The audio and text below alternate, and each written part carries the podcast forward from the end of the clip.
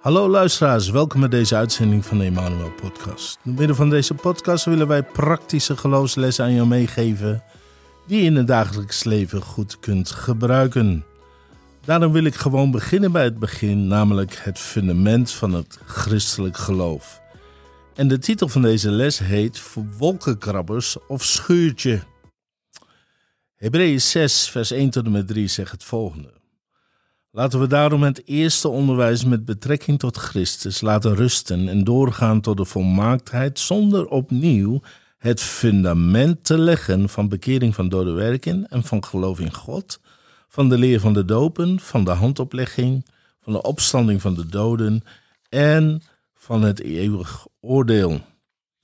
Het fundament van een gebouw is vaak niet zichtbaar, maar het is wel de basis waarop gebouwd wordt. Het is de basis waarop verder gewerkt kan worden. Er zit ook een groot verschil tussen het fundament van een wolkenkrabber of van een schuurtje. Dit is ook zo in het christelijk leven en daarom is het zo belangrijk om te weten wat het fundament van het christelijk geloof is.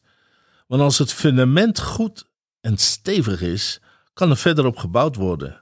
Maar als het fundament niet goed is, dan kan jouw geloof uiteindelijk toch in elkaar zakken net zoals bij een gebouw.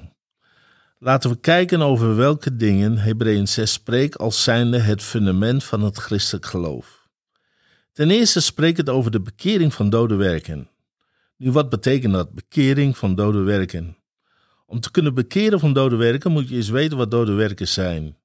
Vele gelovigen denken dat die dode werken verwijzen naar de slechte dingen die je doet. Maar dat is niet waar de context over spreekt. In Hebreeën 4 spreekt de schrijver over dat Jezus Christus alles heeft gedaan om ons te kunnen rechtvaardigen voor God. Wij hoeven er niets meer aan toe te voegen.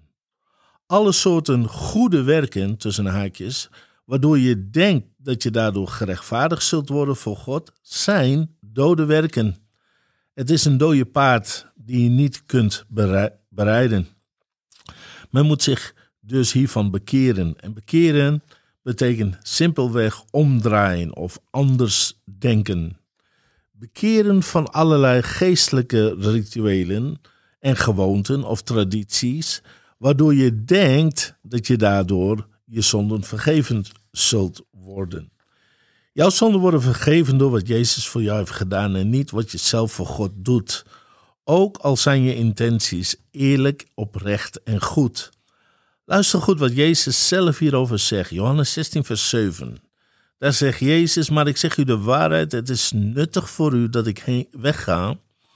Want als ik niet wegga, zal de trooster, dat is de Heilige Geest, niet naar u toe komen. Maar als ik heen ga, zal ik hem tot u zenden. En als die gekomen is, zal hij de wereld overtuigen. één van zonde, twee van gerechtigheid en drie van oordeel. Dan moet je goed luisteren. Van zonde omdat zij in mij niet geloven.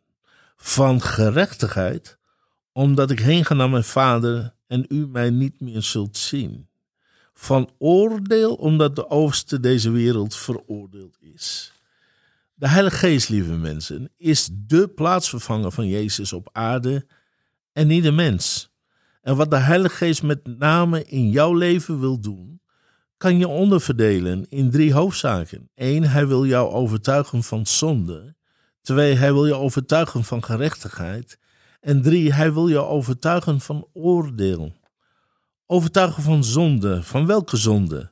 Niet van zonden, meervoud, maar van zonde, enkelvoud. Over welke zonde heeft Jezus het hier?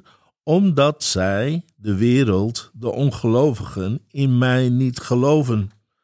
Dat is namelijk de enige zonde die in de weg staat tussen de mens en God. Het niet geloven in Jezus en wat Hij voor jou heeft gedaan.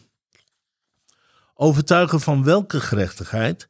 De gerechtigheid die Jezus voor jou teweeg heeft gebracht. Je moet begrijpen dat God liefde is, maar hij is ook rechtvaardig. Dit betekent dat hij onze zonde niet zomaar onder de tapijt kon schuiven. Hij kon de zonde van de mens niet zomaar door de vingers zien. Anders zou God niet rechtvaardig zijn, maar dat is hij wel. Dus wat deed Jezus? Hij was bereid om voor onze zonden te sterven, opdat een ieder die in hem gelooft en dus ook geloven in wat hij voor ons heeft gedaan, gerechtvaardigd kon worden. Waardoor wij die straf niet meer hoeven uit te zitten. Door ons geloof hebben wij dus geen schuld meer naar God toe. Dat is toch geweldig? En dan overtuigen van welk oordeel? Het spreekt hier niet over het oordeel en veroordelen van de mens, wat de kerk in het algemeen eeuwenlang hebben gedaan, heeft gedaan. Het spreekt hier van oordeel omdat de overste deze wereld veroordeeld is. Wie is de overste deze wereld? Dat is Satan, dat is de boze. Toen Jezus aan het kruis stierf, riep hij uit: Het is volbracht. Het Griekse woord dat hier gebruikt is, is tetelestai. En het heeft een drievoudige betekenis. Eén, het betekent de schuld is afgelost. Twee, de straf is volledig gedragen. En drie, de strijd is volledig overwonnen. En toch proberen goed bedoelde gelovigen nog steeds hun eigen gerechtigheid te verdienen. Door hun eigen schuld af te lossen, of het zij door boetedoening of schuldgevoelens of iets dergelijks door hun eigen straf te dragen, het zij door zelfkastijding of jezelf straffen met allerlei religieuze maatregelen. Door zelf te proberen de strijd over de boze te overwinnen, terwijl Christus aan het kruis ruimtelijk over de vijand heeft getriomfeerd. Dit kun je lezen in Colossensen 2, vers 13 tot en met 15. Iedere keer wanneer je zulke dingen met deze mindset doet, ben je bezig met dode werken, joh. En de Bijbel vermaant ons dat we ons hiervan moeten bekeren, want zij kunnen nooit de plaats innemen van wat Jezus voor ons heeft gedaan.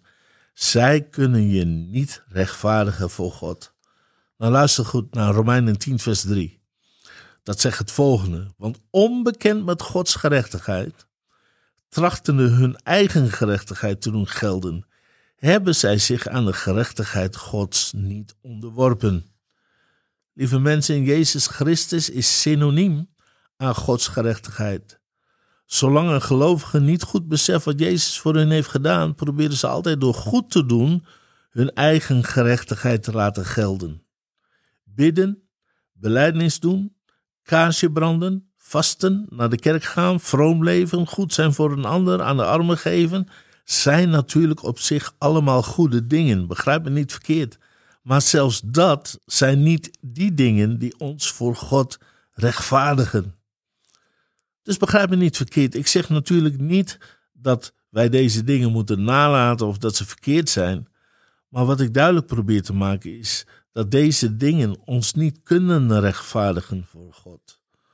Het enige wat ons rechtvaardigt voor God is te geloven dat Jezus voor onze zonden aan het kruis gestorven is. Het bloed, het is het bloed van Jezus, zegt de Bijbel, dat ons reinigt van alles, al onze zonden en niet de goede dingen die wij doen. Dit wil natuurlijk niet zeggen dat wij gewoon kunnen blijven zondigen. Integendeel, hoe meer wij de genade van God beseffen, hoe meer, wij die genade, hoe meer die genade ons de kracht geeft om naar Gods wil te leven. En hoe meer wij ons zullen afkeren van de zondige begeerten. Dat is toch geweldig nieuws, lieve mensen. Je bent gerechtvaardigd, waardoor je niet meer met schuldgevoelens of het geestelijke minderwaardigheidscomplex rond hoeft te lopen. Dat is de reden waarom je kunt bidden en verwachten dat God naar jou luistert. Dat is de reden waarom je God kunt geloven voor elke belofte die Hij aan jou in zijn woord gegeven heeft. Dus laten we ons bekeren van deze verkeerde religieuze mindset en laten we ons afkeren van deze dode werken. Dat is de basis van het christelijk geloof. Nogmaals, wij worden gerechtvaardigd, oftewel we staan recht voor God, niet omdat wij zo goed zijn of goed doen, maar omdat Hij zo ongelooflijk goed is voor ons. Dit is hoe je bouwt aan een stevig fundament. Wanneer je weet dat je weet dat je weet dat je recht voor God staat. Spreuken 24, vers 16 zegt het volgende. De rechtvaardige valt zevenmaal, doch staat weer op. De Bijbel zegt niet dat de zondaar zeven keer valt, maar de rechtvaardige. Iedere keer wanneer je valt, iedere keer wanneer je zondigt en oprecht jouw zonde beleidt en daarvan afkeert, dan zal het bloed van Jezus jou helemaal reinigen van alle zonden. Iedere keer, want Hij is getrouw, ook al zijn wij soms ontrouw. Wat een genade en wat een rust dat dat geeft. Ik hoop dat je opgebouwd bent door deze les en ook in die waarheid zult gaan wandelen. Veel zegen en tot de volgende keer. Ik zal dan uitleggen dat geloven in God zo gek nog niet is. Amen.